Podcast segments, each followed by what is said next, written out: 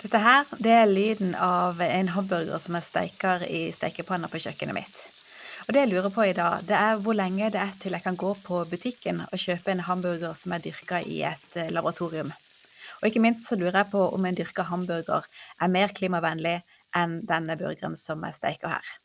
Det er tema i dagens podkast. Mitt navn er Kirsten Ystese.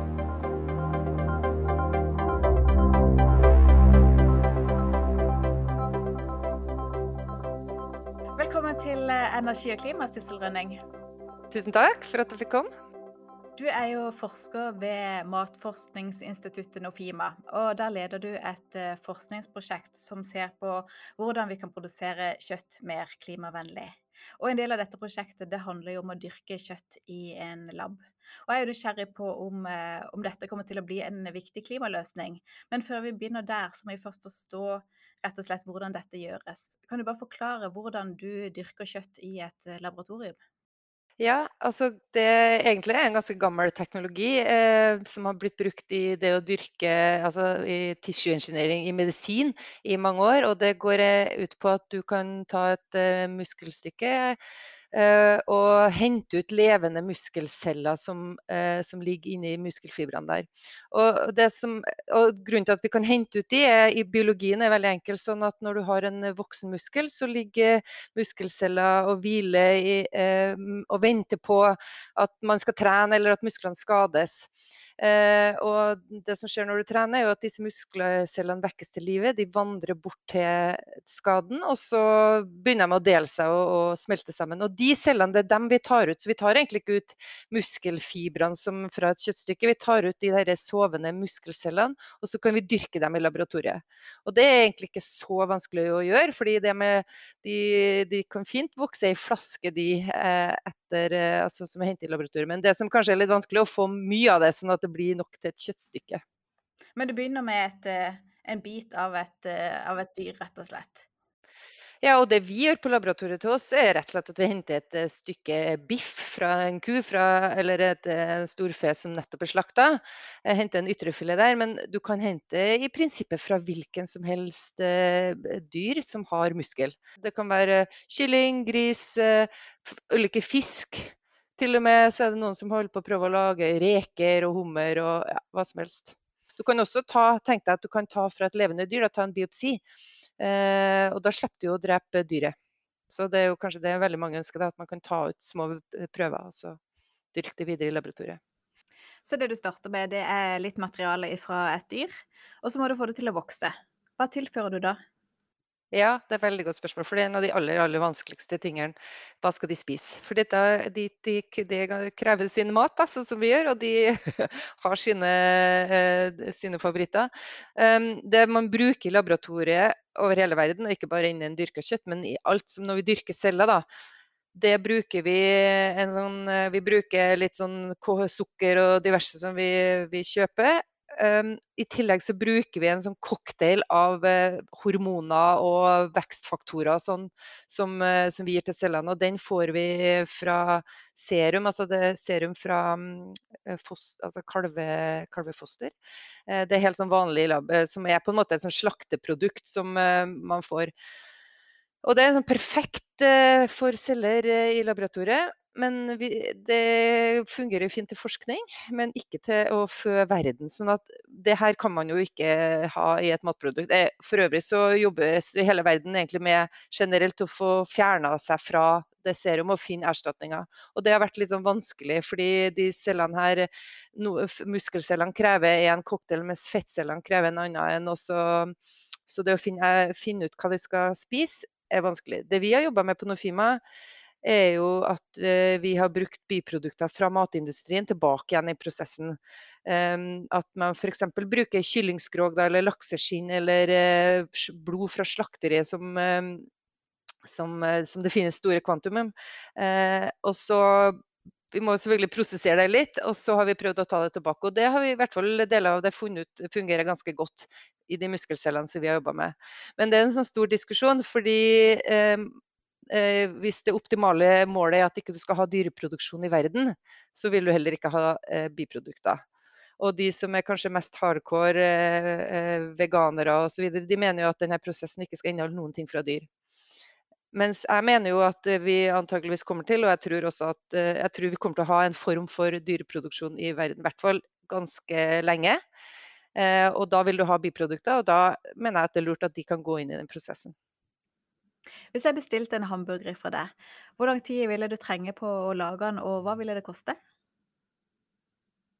Ja, nå er jeg heldigvis eh, jeg som er på laben trenger ikke å tenke så mye på hva det koster. Men jeg kan bare si den første burgeren som ble lagd i 2013, de, måte, de har jo klart å vise at det her går an. Det, da mm, tok det tre år å lage én burger, og den kosta jo eh, mellom to og tre millioner kroner. Så det er klart at den eh, var jo kanskje ikke for vanlige folk. Men de, de de har jo selvfølgelig blitt, mm, prosessen har blitt mye bedre. og De nye beregningene viser jo at det ikke skal koste mer enn en type 50-60 kroner kiloen eh, for, de, for, en sånn type produkt. Og du kan jo tenke at det, det, De mener også at det ikke tar mer enn tre-fire uker å lage en sånn, sammenlignet med det det tar i dag. Hvis du tar storfe, da, så tar jo det i hvert fall et år sant, fra du får en kalv til den blir stor nok til at du kan slakte den. Det er klart andre, andre dyr tar jo kortere tid. Eh, kylling f.eks. tar jo ikke mer enn en måned eh, med å få en kyllingfilet, så der vil det jo ta ca. like lang tid. Så eh, kanskje den største gevinsten vil nok være på type storfe, mener egentlig jeg, da, enn sammenligna med kylling og de andre som ganske, har lavt klimafotavtrykk i dag, og som ikke tar så lang tid. Men du nevnte den første hamburgeren. Men hvis, eh, hvis vi ser på historien her, altså når oppsto ideen til å dyrke kjøtt i et laboratorie for, for mat, og, og hvordan? Når, det er faktisk eh, det er interessant, fordi det var jo egentlig den første som kanskje lanserte Eller det mest berømte sitatet er jo fra Winston Churchill. Han skrev en sånn artikkel i 1933 som han sier at det er helt absurd at du skal uh, dyrke opp et helt dyr når du bare er interessert i en filet. Sånn at ideen der er jo ganske, ganske gammel, kan man si. Men man klarte jo ikke å dyrke celler før på 50-tallet. Det var jo først da man klarte også å dyrke kreftceller. sånn at Eh, ideen er gammel, mens teknologien er nok eh, ganske ny. Og så var det egentlig hva skal jeg si, Hovedideen starta vel egentlig med å hadde et sånn workshop, altså et møte faktisk i Norge i 2008, hvor det var på en måte den første dyrka kjøtt, eller in vitro meat, het det da. Eh, og så, eh, altså møte og så var det, eh, Historien videre var jo at eh, dette ble fanga opp av eh, nå skal jeg si, eh, Sergey Brin og disse med masse penger borti USA, Google, altså sånne filantrop eh, med mye penger og store visjoner, som da finansierte den første burgeren som ble lagd i Nederland.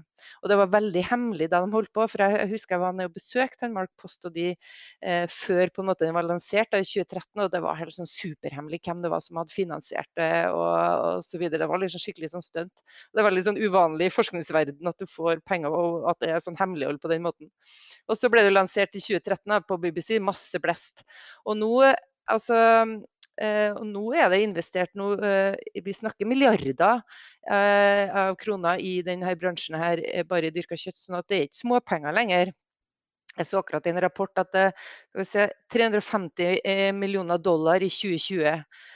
Sånn at det er, det er klart Når det er mye penger som investeres, så er det jo klart da nærmer det seg jo en, en realitet. Da. det ikke bare en sånn crazy drøm lenger.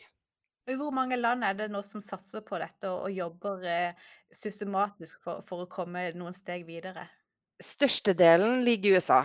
Eh, det, der, eh, det er et firma som heter Memphis Meat, som er det største firmaet som har fått mest penger. Men i, det er også ganske stort da i Nederland, med han Mark Post, da, som var en pioner. Han, de har også laga et firma som heter Mosa Meat, som også har generert ganske mye penger. Israel er jo de første som klarte å dyrke kjøtt i verdensrommet, så det klarte jo nokså spektakulært. Eh, og så er det også en del i Asia. Og så popper det jo opp sånne små eh, selskaper her og der, men det er på en måte de som kanskje er de største da, i, i verden foreløpig. Det er ingen i, i, Norden, ingen startups i det hele tatt i Norden. Eh, så det bør man jo gjøre hvis, man, hvis det her blir en realitet da, og man vil ha eierskap til sin egen mat. så ligger jo mulighetene åpne for oss nordiske selskaper. Ja, du sier hvis det blir en realitet. Hvor langt har man egentlig kommet? Jeg kan i hvert fall si det at vi har ikke klart å lage nok til å fø verden. Altså, vi lager jo pitte, det som små erter bare som vi har klart på laboratoriet. Og det er litt sånn interessant i den prosessen her, fordi at eh, som jeg sier, det er mye penger, det er masse selskaper, masse hype, og det virker som de kommer veldig langt. Eh, De snakker om at de, det er jo godkjent for salg og i Singapore osv. Mens i forskningsdelen så er det jo Det finnes nesten ikke litteratur på det i hele tatt. Så, så det, eh, sånn industrimessig føles det nesten som vi er for seint. Mens forskningsmessig så er det knapt forskning på det i det hele tatt. Så det er helt, nesten umulig å vite hvor langt, hvor reelt er det egentlig. Og i hvert fall vi på laboratoriet også har ikke klart å lage større ting enn små erter. Men i andre deler av verden så er dette på markedet i dag. Bare i Singapore.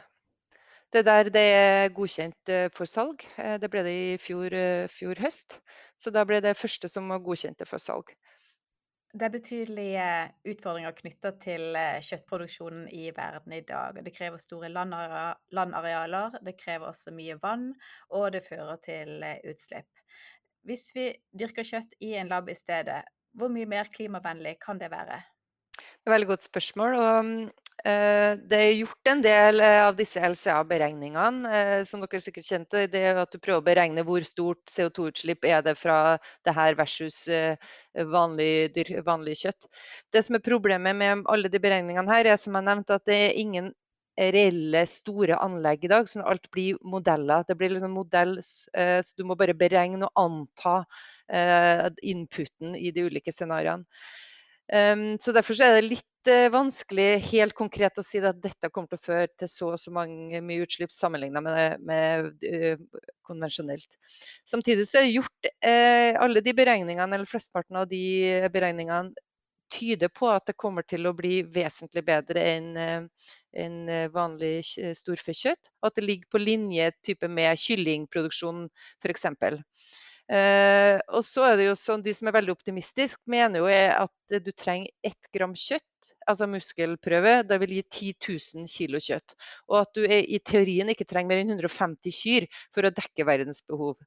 Um, det, og det er klart at hvis du ikke altså hvis du har eh, ja, 150 kyr er jo for lite, du må ha en genetisk variasjon. Men la oss si at du eh, har 20 000-30 000 kyr for å opprettholde på en måte en solid stamme. Så vil jo det klart redusere utslipp sammenlignet med 1,5 milliard kyr som du har i dag. Og nå snakker jeg jo bare om storfe. Eh, sånn at eh, du har jo muligheten her til å redusere antallet kyr, og da vil du jo redusere klimautslippene. Og så mener de også at du vil trenge mye mindre vann, men du vil jo trenge vann her også, for det er jo en prosess eh, eh, hvor du må både kjøle og varme opp og, og, og rense utstyret. Eh, men det vil også kreve mindre areal. Så det er gjort en del beregninger på det. Dette, dette her er ikke mitt ekspertfelt, men det er gjort en del beregninger på det som i alle fall er ganske optimistisk med tanke på det. Men det er klart, det du putter inn eh, vil jo gi direkte utslag. Så hvis du bruker forurensende kullkraftverk inn i den prosessen her, så blir jo ikke den bra. Den heller, sånn at eh, her tror jeg man må tenke litt sånn eh, hele prosessen. Kanskje legge det i tilknytning til eh, andre industrianlegg og utnytte overskuddsvarme, vann osv. Eh, det tror jeg kan være en lur måte å gjøre det på. Ser du noen eh, etiske dilemmaer ved å dyrke kjøtt i laboratoriet? Ja, det er klart at eh, det vil jo kunne påvirke eh, arbeidsplasser, bønder og mm, som kan være negativt. Eller altså at vi kan utradere en hel næringsvirksomhet. Særlig hvis du ser i Norge, da, eller egentlig hele verden, så er det utrolig mange som jobber med dyrehold. Og det å på en måte være med å utvikle en industri som kan utrydde en, en, en eksisterende industri, merker jeg jo Jeg føler jeg på det etiske dilemmaet hele tida. Men samtidig så, så ser jeg det som eh, en mulighet kanskje også, da, og, og som jeg sa, at jeg håper jo ikke at vi ikke skal ha dyreproduksjon i verden. Jeg syns det blir veldig sånn trist hvis ikke vi har, har dyr, men jeg håper jo at vi kan på en måte Kanskje det her kan være med å bidra til den proteinmangelen, og kanskje det her kan være med at du ikke trenger også ha den eksplosive økninga i, i kjøttproduksjon som vi ser, og som det er forventa at det blir. At vi iallfall stopper den, og kanskje reduserer den litt, sånn at du kan få til begge deler. Og at det kanskje gir muligheter. Og så må man jo også Det, altså, det er jo litt som du snakka om der, hva er det egentlig vi spiser? Da fjerner man seg eh, fra det naturlige. Og det er jo et etisk argument. Det er mange som vil vil mene at det det her er ganske uetisk å spise. Ja, for på et eller annet tidspunkt så så tenker du at nå har vi gjort såpass mye endringer at, eh, man kan like godt spise en pille? Jeg håper jo ikke at det blir det, da. Så jeg håper jo at man klarer å lage noe som ikke på en måte har vært gjennom så mye, og som ligner mer på kjøtt enn en pille, da. Det er jo veldig, veldig trist hvis vi skal spise en pille i fremtida. For det er jo det som er målet, da, at du skal klare å lage noe som er bra. Og det tror jeg hvis det skal, ha, skal ha livets rett, så må det være bra. Det må være, eh, se bra ut, smake bra. Det må være billig. Hvis ikke så kjøper i hvert fall ikke vi nordmenn det, for vi er veldig opptatt av pris. Det må være eh, i hvert fall trygt. Og så er det liksom sånn, hvor sunt er det? Altså Potensialet ligger jo også i at du kan lage noe som er sunnere. Jeg snakker mye om storfe, da, for det er på en måte verstingen.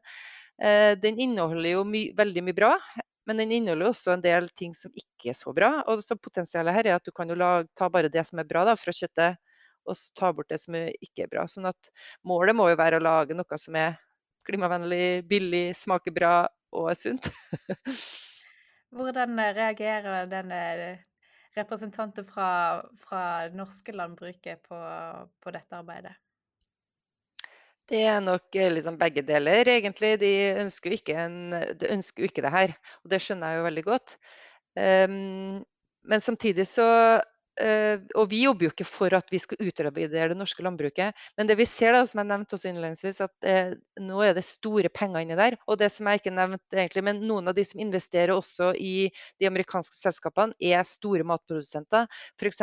Cargill og Tyson Foods, det store kjøttprodusenter i USA, som er med å investere i det her. Og det tror ikke de gjør fordi de skal utradere sin egen industri, men de ser på det som er dette en mulighet også som, som, landbruket kan være med på. Og jeg tror også for, for norsk matindustri så tror jeg vi må bare i hvert fall følge med på det her og være klar hvis det her blir en realitet, så, så, så, bør vi i Norge også ha eierrettigheter og ha mulighet til å produsere det. Men altså, Det er ikke sikkert at det her blir en del, men det er et sånt stort tog som jeg føler at uh, er på vei til oss, og som vi må være med på. Men etter hvert å møte en del uh, motstand, eller i hvert fall skepsis, som ønsker at vi ikke engang er med på å forske på det her. Da svarer jeg på det sånn, jo, men vi må forske på det her. For hva hvis det blir en realitet, så har vi mista alle mulighetene i Norge til å være med på det her. Fordi at eh, det er klart De store selskapene de tar patenter. De tar alle patentene, og da kan ikke vi produsere noen ting. Sånn at, eh, og Alt det vi forsker på er jo helt åpent, så vi på en måte ønsker å dele med, med industrien og se på at kanskje det her er en mulighet. Kanskje vi kan gjøre det her i tillegg. Hvis du skal eh, lage en liste over løsningene som kan sørge for at eh, hele verdens befolkning får spise seg mette på sunn mat som er produsert med lavest mulig utslipp, hvor høyt opp på lista kommer da dyrka kjøtt? Ah, veldig bra spørsmål.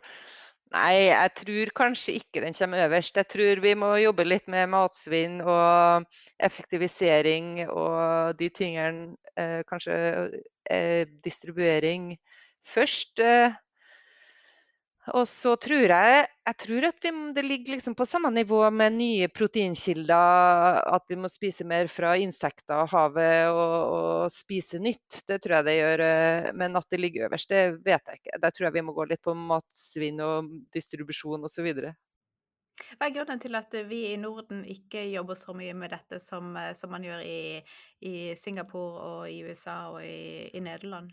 For det første så har vi ganske OK eh, altså vi har fin eh, Vi produserer kjøtt på en helt annen måte, da. I USA hvor du har massive, svære storfefarmer, eh, mens gjennomsnittsgården i Norge har 20-30 dyr. Altså vi driver jo kjøttproduksjon på en helt annen måte. I tillegg så har vi også i Norge eh, vi har jo på en måte kombidyr, så vi har både melk og, og kjøtt. sånn at de er mye mer Eh, bærekraftig enn rene biffdyr eller rene melkedyr. Så jeg tror det er litt med hvordan vi driver landbruket på en helt annen måte enn, eh, enn i USA. Så det er på en måte, Norge er egentlig vi er ikke verstinger. Vi, vi har, eh, og det, det, er viktig for, for, kulturlandskap, det er viktig for sysselsetting, det er viktig for distrikter. sånn at vi driver på en annen måte enn både i Singapore altså Tenk på befolkningstettheten og hvor mye folk det er, hvordan de driver gårder der. Det er en helt annen måte å drive produksjon på. Hvor langt er man kommet nå i i å å dyrke kjøtt, og hva sier prognosene om hvor hvor vi vil være hen f.eks. i i 2030 og 2040 på på dette området? Kom ut en rapport eh, fra en sånn tenketank i USA som heter Rethink. Eh, den, og den, din, den spår jo at eh, innen 2030 så er melke- og kjøttproduksjon i USA altså konkurs og borte innen ti år. Den er veldig radikal, den rapporten. Men de mener jo at det kommer til å bli en kollaps i den måten å produsere mat på. Jeg vet rett og slett ikke, fordi jeg eh, og jeg syns det blir veldig radikalt å skal utradere det. Og eh, jeg må bare si personlig, et liv uten ost f.eks. vil jo bli et veldig sånn eh, trist liv. Men, men, men, at vi får en forandring, det tror jeg vi gjør. Og det tvinger seg jo frem, mener jeg og tror. Altså når vi ser bare større effekter av, av klimaendringer sånn, så tror jeg at det, det kommer til å påvirke hvordan vi spiser. Så innen 20 år så tror jeg vi har et annet kosthold enn i dag. Og der er dyrka kjøtt, tror du, en, en del av det? Ja, det, hvis vi får det til å bli, så tror jeg at det kan bli kanskje ikke som kjøttstykke, men at du kan bruke det inn i, som en proteinkilde. da, Inn i, i de her miksa produktene. Burger, pølse. Eh, altså bruk det i hverdagsproduktene som eh, eh, som egentlig det er liksom meningsløst å bruke fantastiske kjøttprodukter inni. Så kan du heller ha lørdagsbiffen, da. Du må ha tusen takk for praten, Sissel Rønning, og takk til du som eh, lytter på. Husk at du kan abonnere på Energi og klima i din foretrukne podkastspiller. Takk for i dag.